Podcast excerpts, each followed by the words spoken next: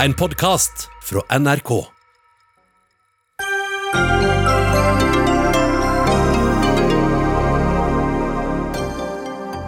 Norge er blitt rødt i dag, og byrådet i Bergen varsler strengere tiltak. På tide at brudd på karanteneregler blir anmeldt, mener tidligere politimester. Ikke skyldig, sa Laila Bertheussen da rettssaken mot henne starta i dag.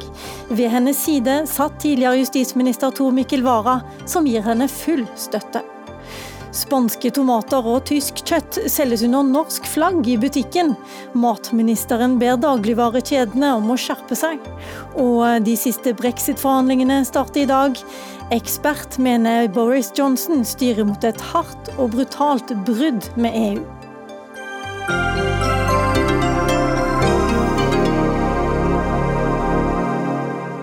Ja, velkommen til denne sendingen eh, i Dagsnytt 18. Følg med oss eh, videre. Vi skal høre mot slutten av sendingen at barn og unge har fått et sjokk på TikTok i dag, da en mann filma sitt eget eh, selvmord. Medieviter mener man bør ligge unna TikTok i noen dager, men det er altså mot slutten av denne sendingen. Først om koronasmitte her i Norge får vi over 1126 nye smittetilfeller de siste 14 dagene, så har Norge passert grensen for å bli vurdert som et rødt land. I Bergen har kommunen nå satt krisestab med nye smittetilfeller. Og nå blir det varsla om nye tiltak i Bergen også, og byrådet står akkurat nå og venter på å komme til med en pressekonferanse om dette. Det skal vi snart komme tilbake igjen til, men eh, vi starter først i, i Østfold og i Sarpsborg. Eh, over 2000 mennesker er nå satt i isolasjon eller karantene som følge av et smitteutbrudd der. I går så hørte vi altså at dere i Sarpsborg kommune anmeldte trossamfunnet Al-Gadir. Sindre Martinsen Evje, du er ordfører i Sarpsborg kommune. Og hvorfor mener du det var nødvendig? Jeg mente at det var en eh, riktig avgjørelse etter en eh, totalvurdering som eh, vi hadde gjort i kommunen vår. Det var en vanskelig avveining, men her mente vi det var brudd på smittevernreglene. Og det var også skjerpende at det hadde vært i et lokale som ikke var lovlig godkjent. Når det er sagt, så er det arrangøren og arrangementet vi har anmeldt. Og vi har ikke anmeldt enkeltpersoner eller ønsker ikke å påføre de noen større belastning. Eh, da er det de som har blitt syke og vi håper at de blir friske. Og vi vil også ha et godt samarbeid med de, sånn at man skal komme videre gjennom dette. Og at vi skal leve sammen side om side også. Så må jeg også minne om at det har vært eh, mange barn og unge som eh, det her gjelder. Og det er våre felles barn, så vi skal stå sammen om dette. men som sagt, eh, det er en forhistorie her, og arrangementet mener vi ikke burde vært holdt naturligvis på det stedet, og at det kan være brudd. Så er det politiet da som får eh, vurdere om det er eh, om det har straffbart eller ulovlig her. Men du må jo ha vurdert det du også, forstanderen av trossamfunnet Al-Gadir. Han sier jo til NRK at de ikke har brutt smittevernet. De er derimot, men de er imidlertid veldig lei seg for det som har skjedd. De mener at de har fulgt de normale smittevernreglene. Ja, Som sagt så mener vi at det er eh, grunnlag for eh, at det har vært brudd på smittevernreglene her, og at det også har vært skjerpende at man har vært i et lokale som eh, ikke er godkjent som forsamlingslokale eller menighetshus. Kommunen hadde vært der ute og gitt en eh, stoppordre i byggearbeidene. og De hadde søkt oss om en eh, omdisponering som eh, var mangelfull, som ikke kommunen hadde gitt sin godkjenning til. Sånn at arrangementet og måten det har vært avholdt på med så mange deltakere, det skulle nok eh, ikke ha vært gjennomført etter vårt syn. Men som sagt, det er politiet som må etterforske og vurdere dette. Kommunen eh, skal ikke gjøre det. Vi hører nå at det er mange som er sinna, eh, også i sosiale medier, på det muslimske samfunnet som, som feirer ashura i, i, sine lokaler. Skjønner du den, det sinnet? Jeg er veldig lei meg for at Eh, det som har skjedd, har skjedd, og ikke minst for at uh, dette trossamfunnet også har blitt utsatt for veldig mye netthetsing. Eh, lokalavisa vår Sarpsborg Bergblad måtte stenge sitt kommentarfelt under disse sakene, og det er veldig vondt. og Jeg er veldig opptatt av at vi skal eh, samhandle godt, at vi skal ha en god dialog. Dette gjelder våre felles barn og unge. De skal tilbake i barnehager og skole, og det kan være våre kollegaer. Vi skal leve side om side sammen. Okay. Men kommunen var nødt til å sette ned foten. Eh, vi setter over til Bergen, der, eh, der byrådslederen Roger Valhammer er i ferd med å holde sin pressekonferanse. Gått kraftig de fleste av smittetilfellene i Bergen har de siste ukene vært knytta til klyngeutbruddet blant studentene. I forrige uke så, så vi eh, en klar nedgang på fredag i smittetallene, men utviklingen gjennom helga og tidlig denne uka har vist at vi nå er i en situasjon der det er nødvendig å iverksette flere og mer kraftfulle tiltak for å bekjempe smittesituasjonen i byen vår. De tiltakene vi nå iverksetter, har vi kommet fram til i dag i dialog med Folkehelseinstituttet. Vi har i dag, da, som er kjent, nedsatt eh, kommunal kriseledelse. Eh, og Den er tenkt, iallfall i utgangspunktet, å vare i inntil ti dager. Og Byrådet har vedtatt eh, nå i dag følgende lokale tiltak med hjemmel i smittevernloven. Private samlinger reduseres fra dagens makstall på 20 til 10. Eh, det vil si at det vil bli forbudt å være mer enn ti stykk på private samlinger. Offentlige arrangementer det reduseres det, som i dag er nasjonal anbefaling på 200. Det blir i Bergen et makstall på 50. Eh, det vil si at det vil være forbudt å ha arrangementer med mer enn 50 personer, offentlige arrangementer. Det vil bli stilt krav til at utesteder, restauranter, barer skal føre lister over de besøkende. Besøksrestriksjoner på sykehjemmene og helseinstitusjonene blir strammet inn igjen. Og det vil bli utsatt praksisplass for studenter i våre kommunale tjenester i perioden forskriften gjelder. Og så er det viktig for meg å si at Denne forskriften gjelder i ti dager. Dvs. Si fram til 18.9. Eh, og det er Noe av begrunnelsen for det knytter seg til at vi nå er i en situasjon der vi er nødt å begrense smittespredningen. Vi er nødt til å slå ned dette utbruddet. Eh, og vi mener at hvis vi lykkes med det nå, i en tidagersperiode, så kan vi unngå sterkere tiltak senere. Men I tillegg til denne forskriften, eller disse forskriftsfesta tiltakene som jeg har referert, så kom eh, byrådet i dag, eller kommer byrådet i dag med en tydelig anbefaling. Og det at Byrådet anbefaler bruk av munnbind på kollektivtransport i situasjoner med trengsel der énmetersregelen ikke kan overholdes. Eh, vår medisinske fagsjef Trond Egil Hansen skal si litt mer om bakgrunnen for det. Eh, men det knytter seg til de kriteriene som FHI, Folkehelseinstituttet, har satt for når en bør anbefale bruk av munnbind. Og vi mener nå at de kriteriene er oppfylt i Bergen. I perioden på ti dager, som vi nå eh, lager en forskrift for, så vil også dagens veileder for hjemmekontor i Bergen kommune settes til side. Og alle i Bergen kommune som kan ha hjemmekontor, skal ha hjemmekontor. Og Jeg vil også med dette oppfordre andre offentlige institusjoner og eh, næringslivet om å gjøre det samme i en tidagers periode. Vi vet at de tiltakene vi nå innfører vil ramme eh, alle, selvsagt, men ikke minst òg aktører og bransjer og næringer som allerede er i en krevende fase. Eh, og Vi gjør ikke det med lett hjerte, og vi vet hva konsekvenser det kan få. Men bakgrunnen for at vi gjør det, er at vi nå er i en eh, krevende smittesituasjon, som alle kan se. Eh, òg eh, smitte som har spredt seg, i alle fall eh, til en viss grad, utenfor klyngeutbruddet. Og vi mener at dette er noe nødvendig. Og vi ber egentlig alle om å være med på en tidagers dugnad for å slå dette ned, for å unngå at vi får enda mer kraftige tiltak senere. Ja, Det var byrådsleder eh, Roger Valhammer i eh, Bergen. Det vi har med oss eh, Preben Aavitsland, du er overlege fra Folkehelseinstituttet. Det vi hører nå, altså, det at de vil ha maks 10 på private samlinger i Bergen, maks 50 på offentlige arrangement. Utesteder skal ha lister over alle som kommer der. Sykehjemsbesøk strammes inn. Og i tillegg så blir det regler både om munnbind og om hjemmekontor for alle som kan. De skal altså ha hjemmekontor kontor, var det Valhammer sa. Hva tenker du, er dette nok til å stoppe smitten i Bergen? Eh, jeg tror det er en veldig fin pakke med tiltak de setter i gang der. Vi har jo eh, hatt dialog med dyktige stab av kommuneleger i eh, Bergen, og, og diskutert oss fram til en sånn pakke med tiltak.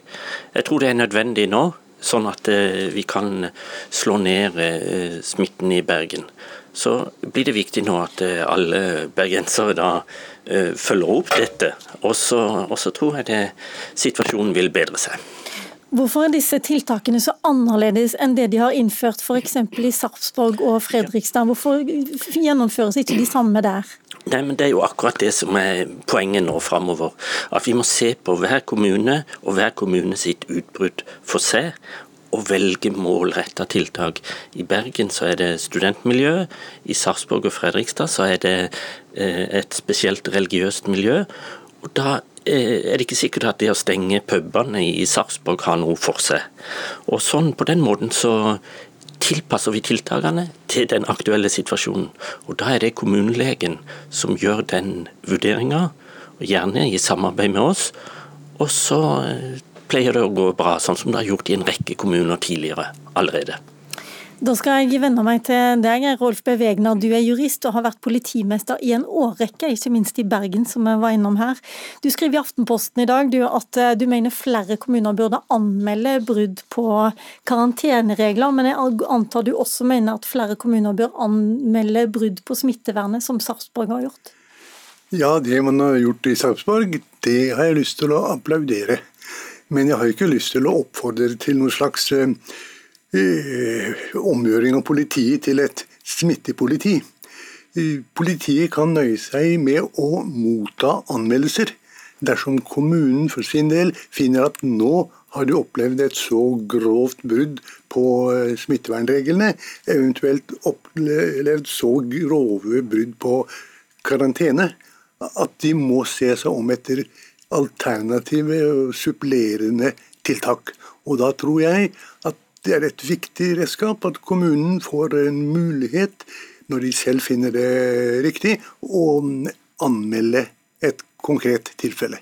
Men mener du at f.eks. Bergen burde gjort det, også? Nå er det et muslimsk samfunn i Sarpsborg som har anmeldt det. Hva med studenterfester i Bergen f.eks.? Da skal jeg gjøre noe klokt og si at jeg vet for lite om den saken til å kunne uttale meg på en god måte. Men hvorfor sier du generelt at karantene, altså folk som bryter karantene, skal anmeldes? Eh, betyr ikke det at du får akkurat det smittepolitiet som du sier du ikke er for? Jeg har ikke sagt at de skal anmeldes.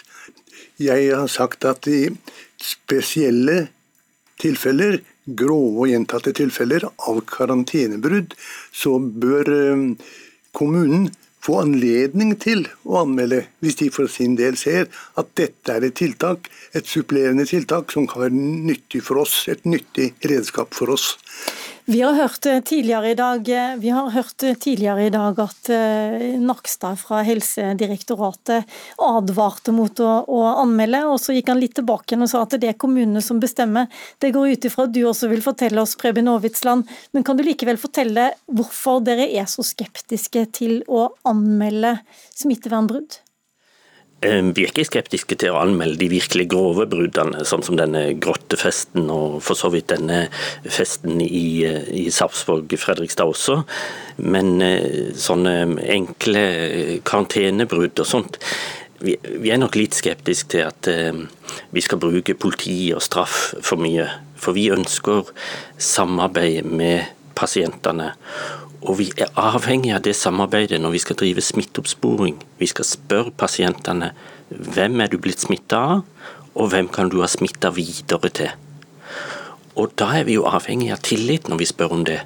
Men hvis, hvis da pasienten tror at eh, vi skal blande inn politiet her, ja så får vi ingen navn av de. Og da stopper smitteoppsporinga og hele smittevernet opp. Så er litt redd for denne signaleffekten av å blande inn politiet for mye. Men, men i, grove tilfeller, ja, så, så, har kommunene i dag den muligheten. Og den har Sarpsborg, tror jeg, på en klok måte benytta i dette tilfellet. Er ikke det en fare at folk kan, kan, begynne å vegre seg mot å si fra, fordi de kan bli politianmeldt? Vegna? Jeg, jeg tror ikke det. Jeg tror at det skal være mulig både å samarbeide med det brede publikum og samtidig i spesielle tilfeller eh, foreta en anmeldelse. Men man kan jo i den sammenheng ikke begynne å bruke opplysninger som enkeltpersoner har avgitt til helsevesenet f.eks. Så her er det nødvendig med et ryddig forhold mellom politi og helsevesen. Og det man bør huske på, syns jeg, som ikke er kommet så veldig tydelig frem, det er at et, et lavt smittenivå i samfunnet, det er et samfunnsmessig fellesgode som må beskyttes, på samme måte som høyt trafikksikkerhetsnivå må beskyttes. Og da er det naturlig å bringe politiet inn i bildet som én av flere hjelpeinstanser i denne sammenheng. Men uten at dette forkludrer på noen måte samarbeidet mellom helsemyndigheter og de personer som er berørt av koronaen. Ovitsland er det ikke et problem at folk som bryter karantenebestemmelsene egentlig ikke møter så veldig store sanksjoner hvis folk ikke får vite om det likevel? Jo, det kan du si, og, og jeg lytter til, til Vegner som en, en erfaren eh, politimester. Men jeg er litt redd for eh, noen av disse miljøene, eh, spesielt innvandrermiljøer, som kanskje ikke helt forstår at her i Norge så har vi vanntette skott mellom helsetjenesten og politiet. Det du snakker med om legen, det kommer aldri til politiet de kommer kanskje fra en kultur der de, det vanntette skottet ikke fins. Og, og, hvis de ser at det er eksempler på at folk som har snakka med kommunelegen, at de senere kommer i klammeri med politiet, eller at deres eh, smittekontakter gjør det, så tror jeg vi kan ødelegge mye for tilliten og samarbeidet der. Men, men eh, jeg, jeg, ser argumentet for at i, i grove tiltak, og så, i grove tilfeller, så kanskje man må eh, vurdere anmeldelse. Vi eh, noterer oss at, får, eh, at, dere vurderer fra situasjon til situasjon, kommune til kommune. Takk Preben Aavitsland fra Folkehelseinstituttet. Takk Rolf Bevegner, tidligere politimester. Og takk også til Sindre Martinsen Evje, som er ordfører i Sarpsborg. Hør Dagsnytt 18 når du vil. Radio NRK.no.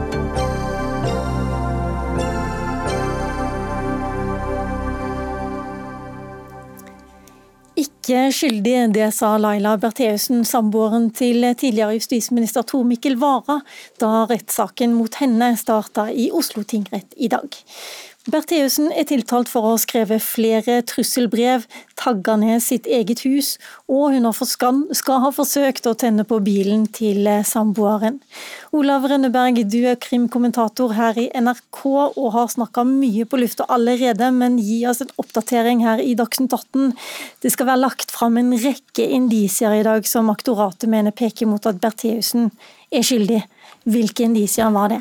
Ja, vi fikk et ganske godt innblikk i, i, hva aktoratet har tenkt å legge på bordet her. Eh, det vil jo komme vitneførsel som utdyper dette, her, men vi kan jo ta noen eksempler.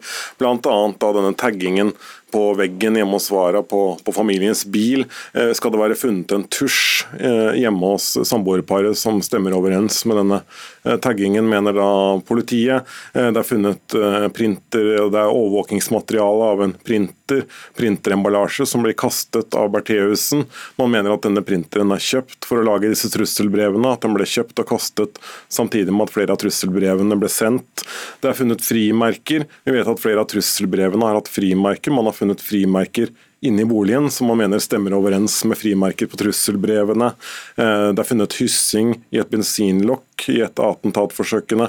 Man mener man har funnet tilsvarende hyssing inne i huset. Så Det er summen av alt dette eh, som kanskje gjør aktoratets indisiekjede sterk. Men igjen, man har da ikke funnet noen fellende bevis. Eh, man har ikke funnet noe som nagler Bertheussen til tiltalen. Iallfall ikke som vi har hørt om så langt. Og Øystein Millie, du er med oss, du er krimekspert i VG. Det er vel akkurat det advokaten, altså forsvarsadvokaten til Bertheussen har lagt mest vekt på i dag, at dette er indisier og ikke noe bevis? Ja, helt klart. Og så har det også vært snakk om dette den pakka som ble sendt til, sendt eh, til advokatkontoret advokatkontorellen, var det vel, eh, mens Bertheussen oppholdt seg i USA. Som jo er et godt kort for forsvarerne, i tillegg til at man nok kan fremheve og argumentere med at det har formodningen mot seg at Bertheussen skal ha trua sin egen samboer og familie uh, ved å gjøre disse tingene som er tiltalt for. Så jeg er helt sikker på at neste ukene i Oslo tingrett kommer vi til å høre mye diskusjon og prosedering rundt bevissituasjonen. Hvordan framsto Laila Bertheussen da hun kom til retten i dag, eh, Ola Rønneberg? Eh, jeg var litt overrasket over hvor offensiv hun fremsto. Hun valgte å, stå hele veien av, helsemessige årsaker, men hun svarte høyt og tydelig nei på alle skyldspørsmålene. Det var 15 spørsmål hun ble stilt totalt, og hun svarte nei så høyt at vi hørte henne ganske langt bak i salen, selv om mikrofonene var skrudd av. Eh, på et tidspunkt avbrøt hun aktor, eh, som, da hun mente at aktor hadde en feil i en dato eller en dag. Så hun virket offensiv, og hun virker da klar for å starte å gi sin forklaring i morgen. Vi får tro forsvarerne da på at hun er klar for det.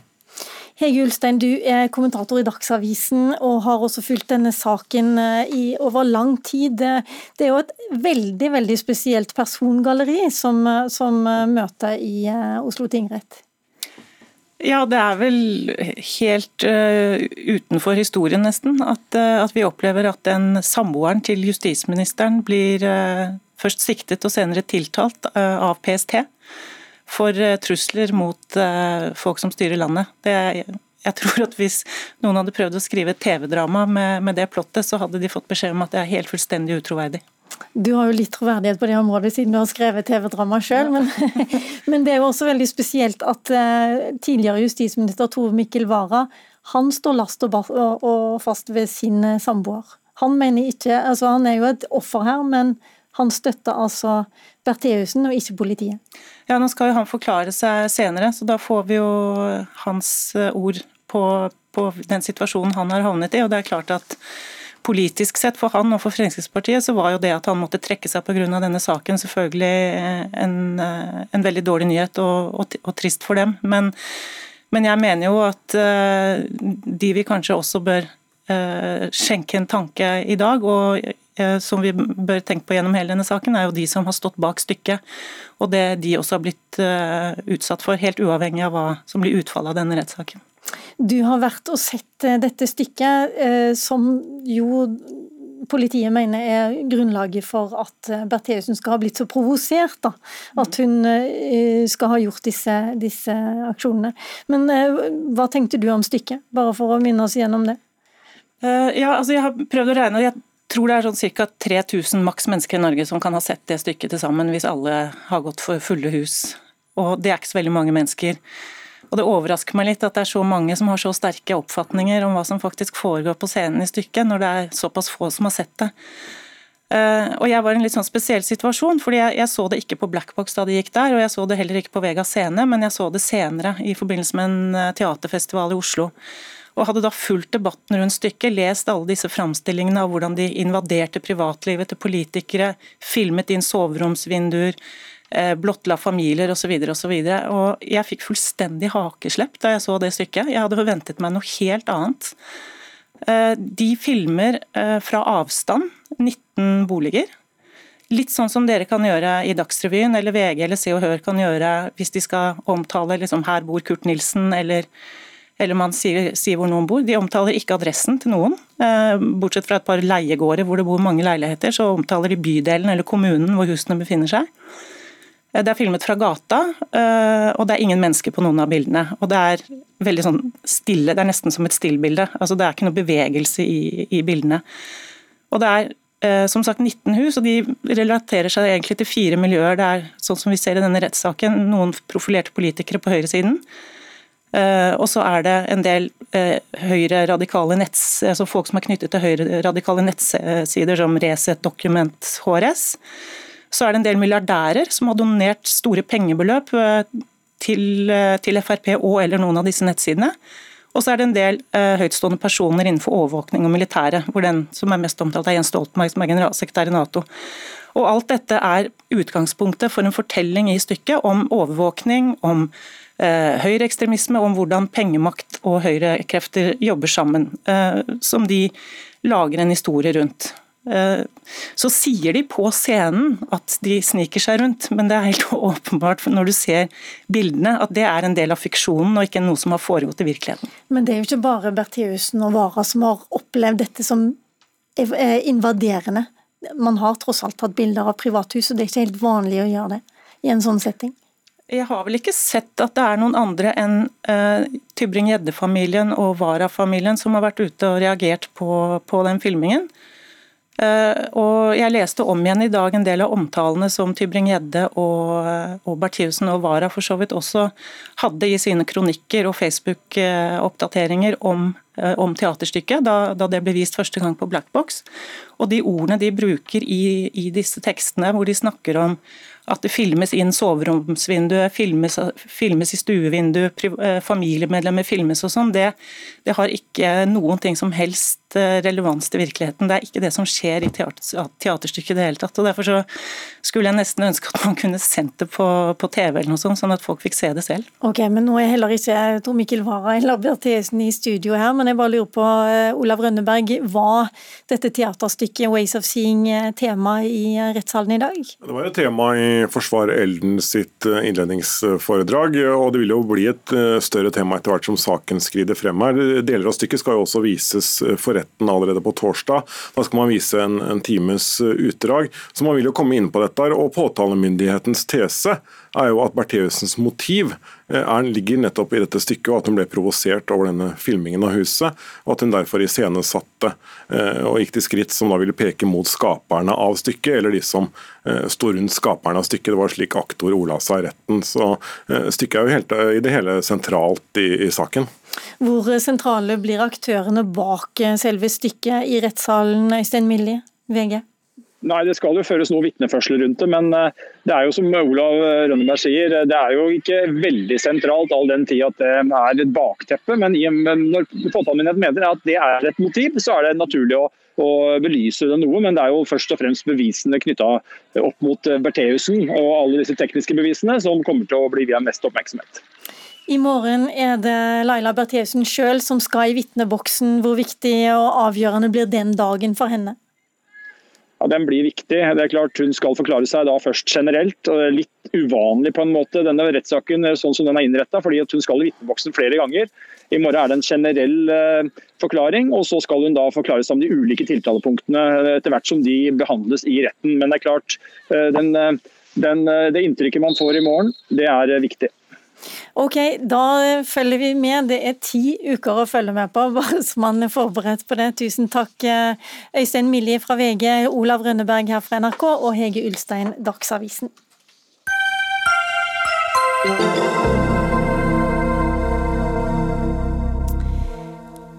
Er du en av dem som plukker ikke norske matvarer i butikken. I så fall kan det være lurt å kikke en gang til på hvor de tomatene er fra. Avisa Nasjonen har avdekka tomater solgt på Kiwi med norsk flagg, både på plakaten og ved prislappen, faktisk er fra Spania. Men akkurat det står altså med liten skrift på selve begeret. Og Olaug Bollestad, du er landbruks- og matminister i, og representerer Kristelig Folkeparti i regjeringen. Du vil ha bransjen til å rydde opp. På hvilken måte skal de gjøre det? Eh, det er for det første sånn at Jeg ble kjempeirritert når jeg så det, for jeg er opptatt av at forbrukerne de skal få være sikker på at det de kjøper, det er det de kjøper, og de ser etter norsk mat. Eh, og Da må de som eh, legger varene i hylla, de som importerer maten, vise hvor maten kommer fra. Det sier regelverket vårt, eh, som har felles med Europa gjennom EØS-avtalen. De sier at du har en plikt til å gi nødvendig informasjon, du har en plikt til å gi rett informasjon, du har en plikt til å si hvor maten kommer fra. Og Det som skjedde med tomatene var egentlig bare et eksempel. Vi har sett andre eksempel òg, og da mener jeg vi må ta rev i seilene. Fordi det er sånn at kun, norske kunder er opptatt av norskproduserte mat. Da må de få vite tydelig på maten hvor han kommer fra, hvem som har produsert den og innhold. Det sier regelverket. Og går, Før jeg går videre, så må jeg spørre hvor omfattende er dette problemet? Vi vet ikke uh, helt bredden av det, men vi vet når vi ser i hyllene, og Mattilsynet har vist i sine undersøkelser at det skjer dette jevnt og trutt, både på, på frukt og grønt. Vi ser det på kjøtt, og det er faktisk ikke lov. Regelverket vårt sier noe annet. og Det betyr at de handelskjedene som vi har i Norge, de må fylle det regelverket som vi har til felles med EU og, som er gjennom EØS-avtalen. Det skulle blott bare mangle. Men jeg som forbruker forventer faktisk at den maten jeg da vil kjøpe, og det er et norsk flagg, og så er det ikke norskt, det er faktisk å lure folk. Ok, Kine Søyland, kommunikasjonssjef i Norgesgruppen, hvorfor skjer dette? Altså For det første så må jeg jo være helt tydelig på at eh, regelverket skal følges, og vi skal merke riktig. Når det gjelder dette eksempelet på tomater, så er det dessverre et eh, arbeidsuhell i butikk. Det skjer fra tid til annen, og skal ikke skje. Så Der må vi bare legge oss flat. Det skal selvfølgelig være samsvar mellom det som står på plakatene, det som står på produktet, og det som eventuelt står på hyllekant. Det må det ikke være noen, eh, noen som helst tvil om. Når det gjelder kjøtt, så er vi på en litt annen, en litt annen sak. Der er nok utfordringen at Eh, at merkeordningen og regelverket for merking kanskje er litt for svakt. Vi merker etter gjeldende regelverk når det gjelder kjøtt. Vi har en utfordring der ved at man da kanskje ikke så lett ser forskjell på importert og norsk eh, råvare. Og Det er et problem som åpenbart har eh, kommet veldig tydelig fram i det siste, og nå gjør vi noe med det. I første omgang kommer vi til å øke skriftstørrelsen. Det er det første vi kan gjøre på kort sikt. Det vil du forhåpentligvis kunne se allerede denne uka. At vi får opp skriftstørrelsen på pakningene, slik at du enklere skal kunne se hvorvidt det er norsk eller importert råvare. Så jobber vi også nå med å gjøre designendringer, slik at vi kan ha ulik design på pakningene med norsk og utenlandsk råvare. Men det, det ene eksempelet ja. som ble nevnt i, i, Nasjonen også, det var jo at man bestiller norsk var det storfekjøtt på nettet, og så får man eh, kjøtt tilsendt som er fra Namibia. Ja, Det også er en, et, eh, et, enkeltstående tilfelle som selvfølgelig ikke skulle skjedd. Det er en annen side av saken. Der, legger vi, oss, ja, og der legger vi oss helt flate. Det skal ikke skje, og der så må det, vi bare skjerpe rutinene våre. Så det er bare enkeltstående tilfeller? Ja, dette? i de tilfellene der så mener jeg bestemt at det er enkeltstående tilfeller, overhodet ikke gjort med forsett. Det er viktig for oss å få sagt sagt at vi vil helst selge norsk råvare. Vi vet at våre kunder foretrekker norsk, og vi må bli bedre på merkingen, og det gjør vi også noe med når det gjelder kjøttvarene. Blir du fornøyd av å høre dette, Bollestad? Ja, men det er òg viktig at det er så tydelig på pakken at du må slippe å ha med deg forstørrelsesglass for å se hvor dette kommer fra. Så er det helt riktig at det, når du har et kjøttprodukt som det er sammensatte produkter i, så har ikke EU stilt det kravet så tydelig. Men vi har en plikt allikevel til å vise hvor innholdet kommer fra. Og vi skal vise det på forpakningen. Og jeg er glad for at de sier at vi skal ha, ha det tydeligere. Fordi dette er folk opptatt av. De vet jo òg at eh, kjøttproduksjonen i annet land, de har kanskje et annet innhold. De har kanskje en annen bruk av antibiotika osv. Dette er den norske befolkningen opptatt av. Og da må vi klare som, eh, som eh, forbrukere å få lov til å vite om det vi da kjøper. Så dette det tror jeg alle, alle er enige om. Ja. her. Spørsmålet er bare hvordan det skal gjøres. Nils Kristen eh, Sandtrøen, du er landbrukspolitisk eh, talsperson i Arbeiderpartiet. Da vi snakka med deg før sending, så snakka du om både at her det med, drives det med villedning og lovbrudd. Mm. Det er helt riktig. I markedsføringsloven i eh, paragraf 7 så står det helt klart bestemt at den type villedende handlinger som vi nå har sett med eksempelvis tomatene, det er eh, ikke lovlig. Det er brudd på loven fordi det går ut over opprinnelsen til varen. Betyr det at du tror de gjør det bevisst? Nei, det sier jeg ikke. Men jeg sier at eh, det i hvert fall er klart at dette her er brudd på loven. Og Så har vi jo den større debatten hvordan skal merkinga bli bedre. Og Det er da jeg sier at Norgesgruppen og de andre store dagligvarekonsernene i Norge har mye å lære av Vinmonopolet når det kommer til merking. Hos Vinmonopolet så får vi som forbrukere klar beskjed med tydelig merking med flagg hvor de ulike produktene er fra. Men det kan jo kanskje ha noe med at det er få av oss som går inn på Vinmonopolet og ønsker oss en norsk vin? Ja, men det er det som er poenget mitt. at Dermed så blir dette helt galt. fordi Hvis f.eks. Vinmonopolet da, hadde pakka inn det som er på en måte dårlig produkt fra Tyskland med fransk flagg, så ville de blitt utsatt for massiv kritikk. Og Det er i realiteten det samme som skjer hvis tomater selges under norsk flagg, som i dette tilfellet er et falskt flagg, eller hvis kjøtt som kalles folkets, som er et norsk ord som gir gode norske assosiasjoner, er fullt med tysk kjøtt, sånn som landbruksministeren var inne på.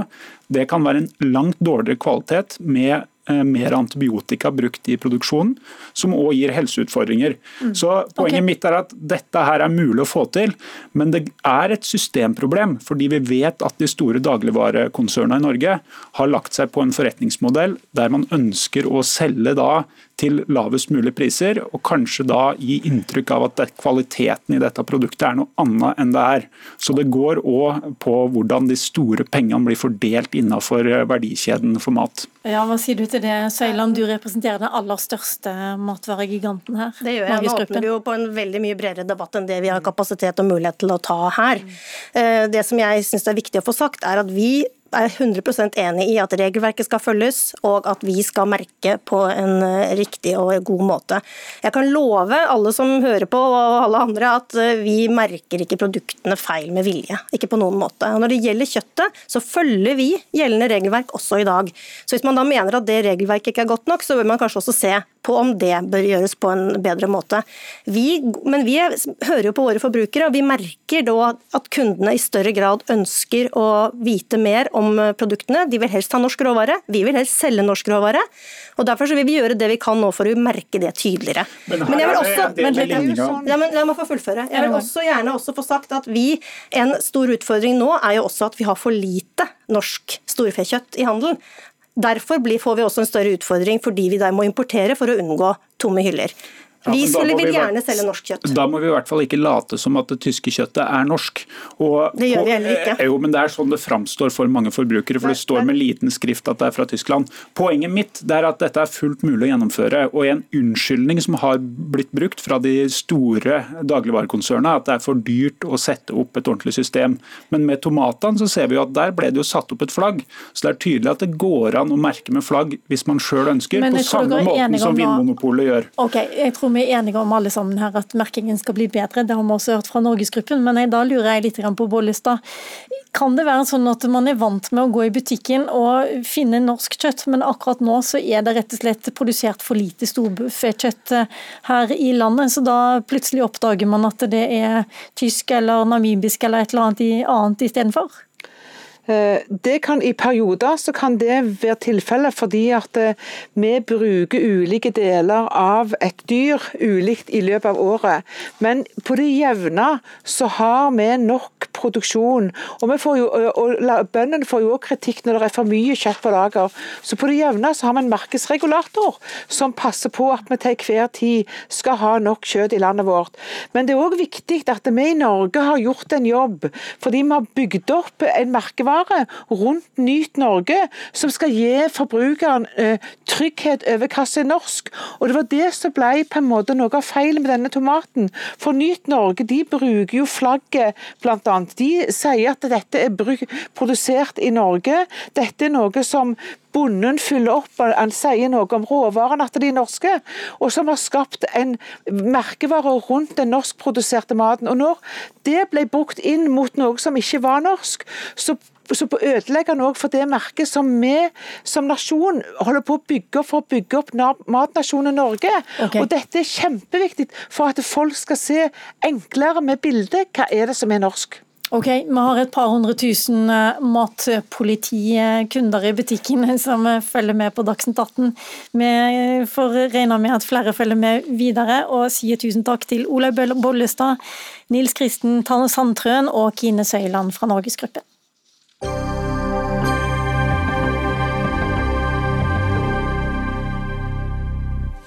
I eh, Kautokeino er fire menn tiltalt for å ha jakta ulovlig på ender om våren.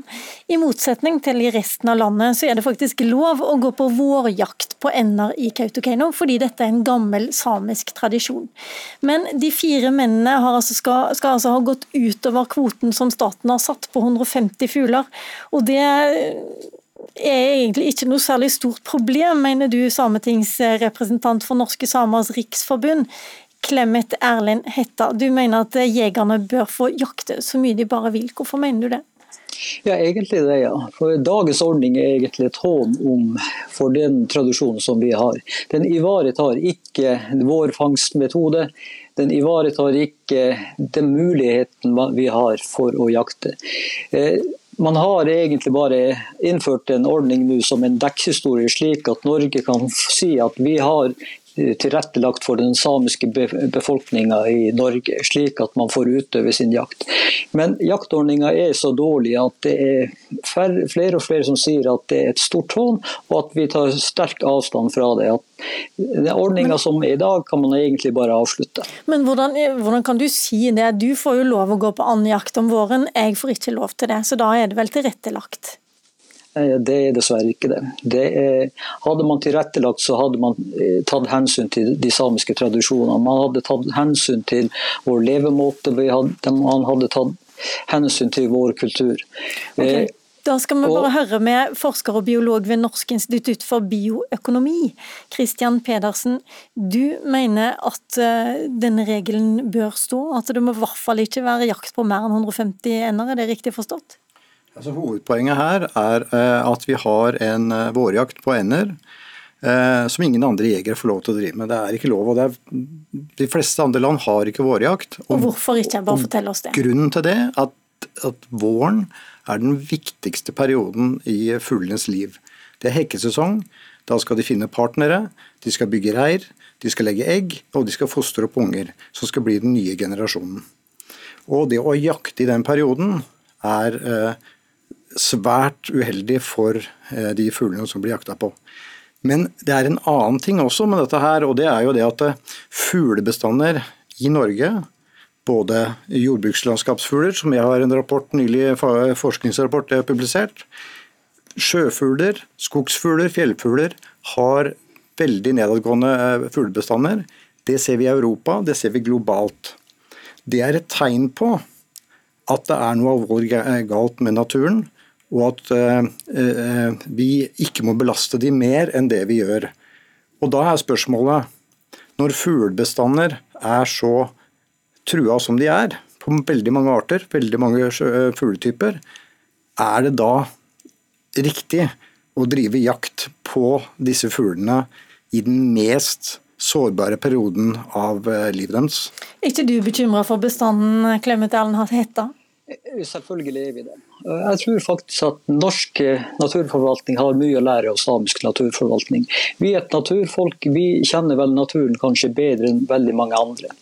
Eh, det er helt feil å si at vi jakter i hekketiden, for det er ikke sant. Vi jakter før hekketiden. Og Det er en ganske stor forskjell. Det eh, Det som framstilles her, det er at den lille vårjakta, en mikroskopisk vårjakt i Kautokeino, er grunnen til at man har en stor nedgang i bestanden. Det er helt feil. Men Kan du ikke bare fortelle oss, Hvorfor er det viktigere for samer å jakte om våren enn det er for resten av befolkningen? Jeg har egentlig lyst til å sitere kong Olav fra 1989.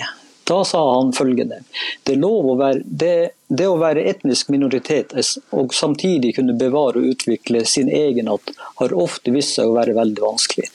Og det som, det som, man opplever nå, det er at man har ikke en forståelse for den viktigheten denne tradisjonen og jaktmetoden er for den samiske befolkninga i Kautokeino.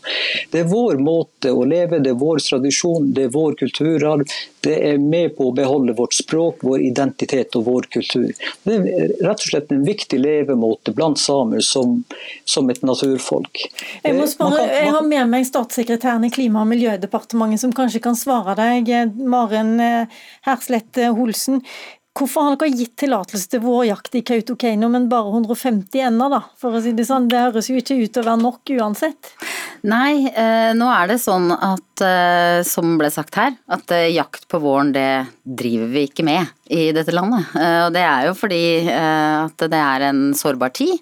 Eh, og vi ønsker å beskytte både dyr og fugler i, i den tida. Men så er vi opptatt av at det er en samisk kultur knytta til akkurat den vårjakta her i dette området i Kautokeino.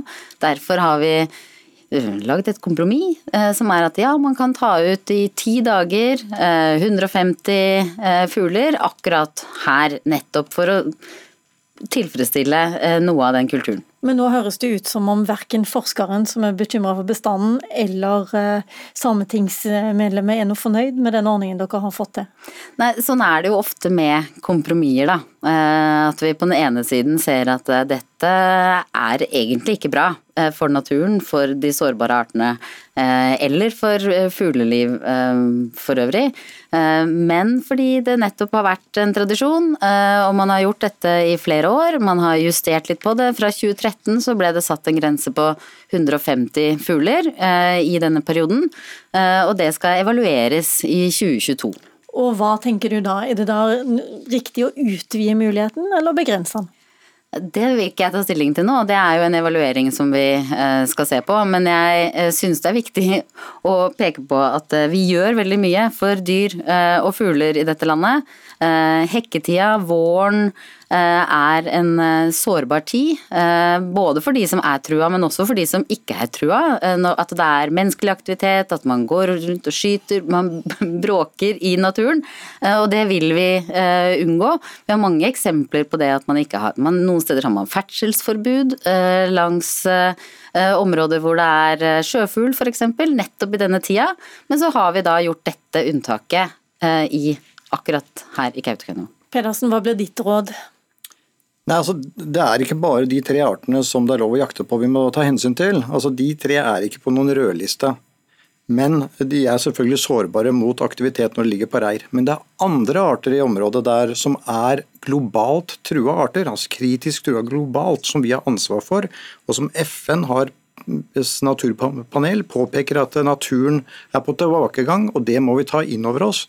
Og så må vi tenke på at det er menneskelig aktivitet for disse artene, som også er sårbare, og ikke bare de jaktbare artene, da skremmer man eh, eh, fuglene av reiret, sånn at eh, rovfugler og rovdyr kan komme inn og ta egg eller unger, som de normalt da ville kunne forsvare. Men det kan de ikke fordi vi driver jaktaktivitet, som da egentlig ikke bør foregå fra fuglenes perspektiv på den måten. Ok, Hetta, eh, til slutt, Hvor mye er egentlig 150 ender? Eh, hvor mye får eh, hver enkelt jeger egentlig spist av and på vårparten? Det er like mye som en laksefisker får lov til å se på en flue. Da avslutter han sin jaktsesong. Det som er veldig merkbart, er at per i dag så har man ingen bestandstelling på våren av ender i Kautokeino. Det finnes ikke et, eh, et, eh, tallgrunnlag som tilsier at det er lite fugl. Vi har foreslått at man bør forby høstjakt på ender i Kautokeino kommune, av hensyn til bestanden. Men det har man ikke tatt til følge. Man bedriver en jakt på høsten. Man avskyter mange titalls tusener med, med ender på høsten. Men på våren, når vi snakker snakke om noen, noen fugler til en, til en, viktig tradisjon for samer, som faktisk er veldig viktig. Eh, jeg skal ikke jeg, skal ikke forvente, jeg forventer ikke at dere forstår viktigheten for det, men det er veldig viktig for oss samer som bor i Kautokeino, at vi får spist en fersk, feit en and på våren. Da er vi veldig, veldig mye bedre. Nei, men det er ikke sikkert at vi forstår alle sammen. Du ga i hvert fall et, et godt innlegg her på slutten. Tusen takk skal du ha, eh, Clemet Erlin Hetta. Takk til Maren Herslett, og takk til Christian Pedersen.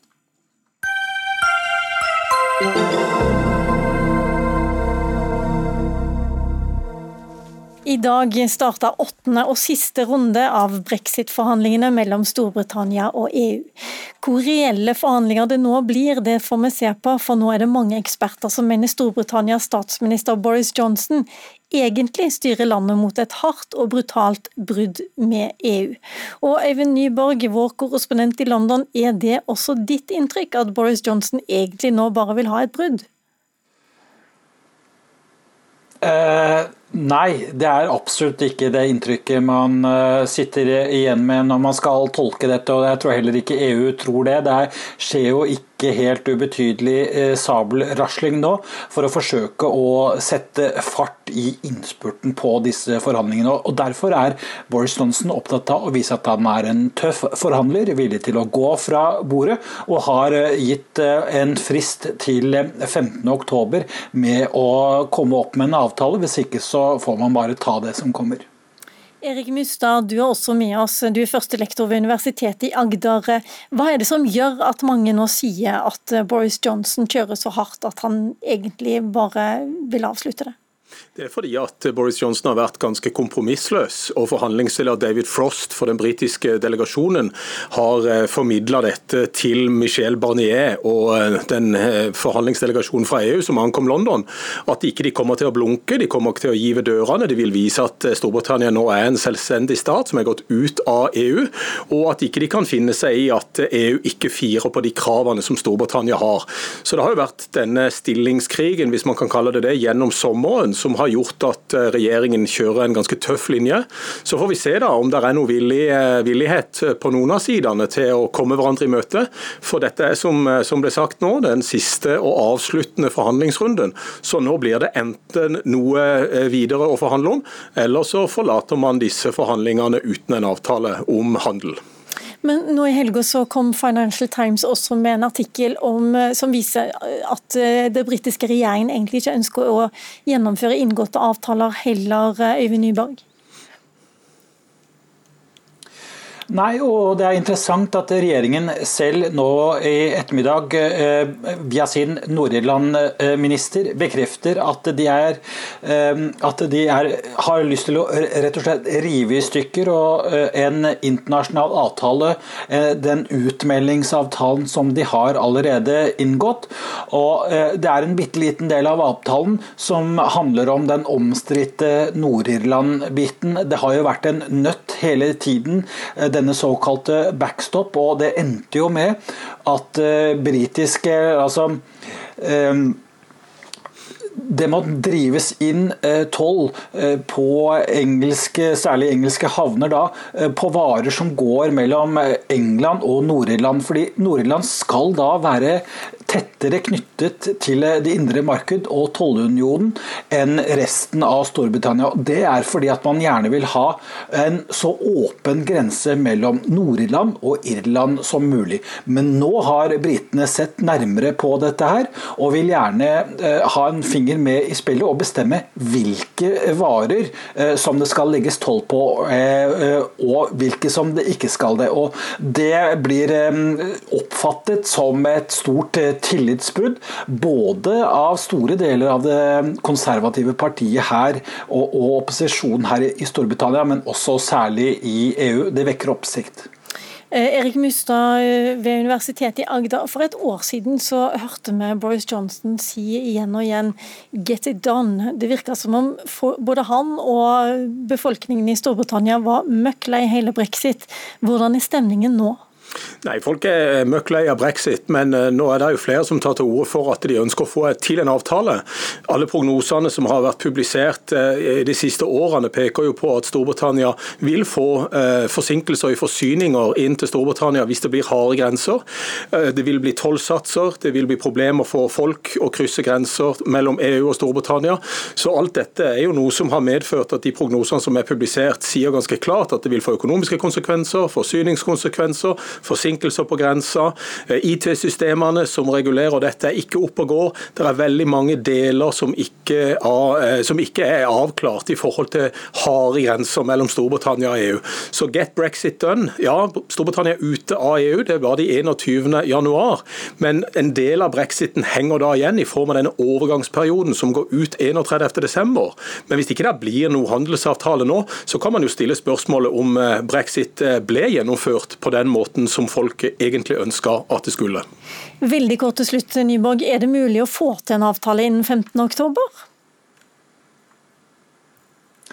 Det ser veldig dårlig ut. Men det som jeg gjerne vil legge til på slutten her, er jo at britene kan komme til å bli eh, rammet dobbelt opp. Fordi de er jo aller hardest rammet eh, både når det gjelder dødstall eh, som følge av koronaen i hele Europa. Det samme også økonomisk. Vi kan komme til å se en kollaps og en arbeidsledighet her som vi ikke har sett maken til siden begynnelsen av 80-tallet. Og Slik sett så vil jo Storbritannia bli rammet så å si dobbelt dobbelt eh, dersom det ikke blir noen avtale.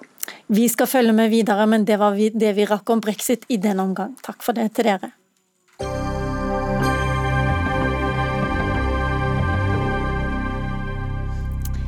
Flere tar nå til orde for en TikTok-pause for norske barn. For i dag har flere barn og unge fått seg et ubehagelig sjokk når de har kommet over en video på TikTok av en mann som tilsynelatende skyter seg sjøl i hodet. Videoen trender på det sosiale nettstedet, og den advarer du, Tale Maria Krohn Engvik, også kjent som Helsesista, mot. Hva er det unge forteller deg eh, som, du, som har tatt kontakt i løpet av dagen? Altså jeg fikk en melding i går kveld fra en ung voksen faktisk på 22 år som fortalte at personen hadde sett på video av hunder og valper på TikTok, og så kom plutselig den videoen opp. Eh, så personen hadde kasta opp i mange timer. Eh, og når jeg da gikk ut og la ut advarsel om det på både Snapchat og Helsesista sin Instagram og skrev et innlegg på Facebook, så viser det jo seg at det er veldig mange barn, og veldig mange unge barn, som også har sett den eh, videoen, dessverre. Hvordan skal man snakke med barn og unge om dette? Jeg tenker at det er veldig viktig å kanskje snakke om de aldersgrensene. At vi skal være flinkere til å være tydelige på å holde dem. Eh, men vi kan jo ikke eh, beskytte dem fra alt som ligger der ute. sånn at eh, vi må jo fortelle dem at den, når du ser ting som er ekkelt eller vondt, eller får deg til å føle uvel eller du blir redd, så er det viktig at du kan komme til meg og snakke om det. Og man må snakke om det på skolene, og også forstå at det kan, det kan være tøft for eh, barn å, å, snakke om de tingene her. For det er mange barn som bærer på ulike traumer, eh, som kan oppleve det her som ekstra vanskelig. Det er sikkert flere enn meg som har hatt dette dilemmaet i dag. Skal man nå sende en melding til 15-åringen eh, og si 'ikke se på det'? Mm. Eh, det er vel den beste måten, etter min erfaring, å få han til å se på det, faktisk. Da blir de jo veldig nysgjerrig. Hva skal man gjøre, egentlig? Du kan jo være litt eh, undrende, da. Hva tenker du om det, egentlig? Eh, er det noe som du kunne tenke deg å se? Liksom? Kanskje man skal ta den diskusjonen, da. Eh, fortell om at det, det, kan, det, kan, være veldig ubehagelig å se det. det har du sett det sjøl? Jeg vil ikke se den. Jeg har heller ikke TikTok. Men nå har den også blitt delt på andre plattformer. Men jeg ønsker ikke å se den filmen. Det trenger jeg virkelig ikke. Magnus H.M. Iversen, du er postdoktor i medievitenskap ved Universitetet i Bergen. Hva vet du om hvor denne videoen kommer fra, som mange unge og, og barn faktisk har uh, fått, uh, fått på, sin, på, mobilen sin i dag? Altså det vi vet, eller det vi antar, er at den ble lagt ut på Facebook først, som en sånn livesending. Og Så ble den plukka opp og på en måte delt på andre plattformer. Den har dukka opp på Instagram, Twitter, den har vært på TikTok også. da. Så det er jo spesielt uh, TikTok som gir det en ny dimensjon, for det er, veldig mange unge brukere. da. Uh, og så uh, ser vi jo også at det er noen som rett og slett har manipulert videoen, altså ikke lagt den ut direkte, men f.eks. klippet inn søte kattepuser først, og så klippet den rett til på en måte det mest voldelige biten av videoen. da. Og da er det jo snakk om folk som er med fæle hensikter, på en måte. Hvorfor går det ikke an å bare fjerne denne videoen? Ja, altså, Hvem skal gjøre det i så fall? ja, eh, TikTok er jo i gang. Eh, de har sluppet en pressemelding på det, at de er i gang med å rydde opp. Eh, men problemet er jo at det er enkeltbrukere som fortsetter å legge ut dette. Så det vil ta en del tid å rydde opp. Problemet er også at det er bytte mellom plattformer.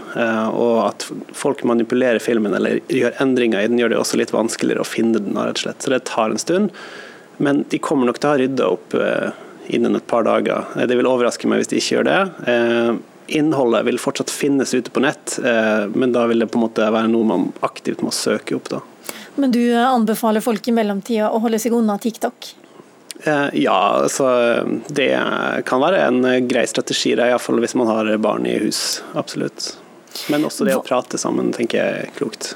Er det noen mulighet for foreldre å begrense muligheten til å få opp en sånn video?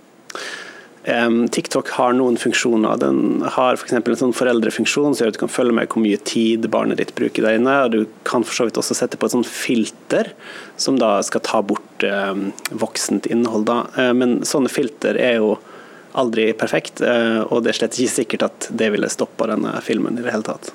Engvik, til slutt, noen foreldre sier nå at de vil bare slette hele, hele videoappen TikTok fra barnas mobil. Er det måten å gå fram på? Jeg tenker Hvis du har barn som er under anbefalt aldersgrense, så kan det jo absolutt være måten å gå frem på. Uh, uansett så tenker jeg at det er viktig å snakke med barna. Uh, og jo, De har det jo også veldig gøy på TikTok, så det er jo kanskje noen barn som blir veldig lei seg om de må slette. Men ta en skikkelig god prat og snakk godt sammen. Ikke bare snakk til dem og si 'nå sletter vi deg', og så ikke noe mer. Snakk ordentlig godt uh, med dem, og reflekter sammen. Eh, så kan det hende at de også forstår at det, det kan være andre apper som de kan bruke istedenfor. Hvor skadelig kan det være å se en voksen manns selvmord for, et, for en 13-åring, 14-åring? Det er jo veldig vanskelig å si, da. For alle mennesker er jo veldig forskjellige og har forskjellige bakgrunner. Eh, men det er jo barn som forteller meg i dag at de føler at uskyldigheten har blitt tatt fra dem. Eh, som forteller at de må sove en halvtime i natt, for de kasta opp eh, og ikke ville på skolen i dag. Så det er helt klart veldig tøft og viktig at de får noen å prate med etterpå. Jeg må avslutte der. Tusen takk for at dere kom i Dagsnytt 18. Vår sending er over. Lisbeth Sellereite hadde det tekniske ansvaret. Du har hørt en podkast fra NRK. Hør flere podkaster og din favorittkanal i appen NRK Radio.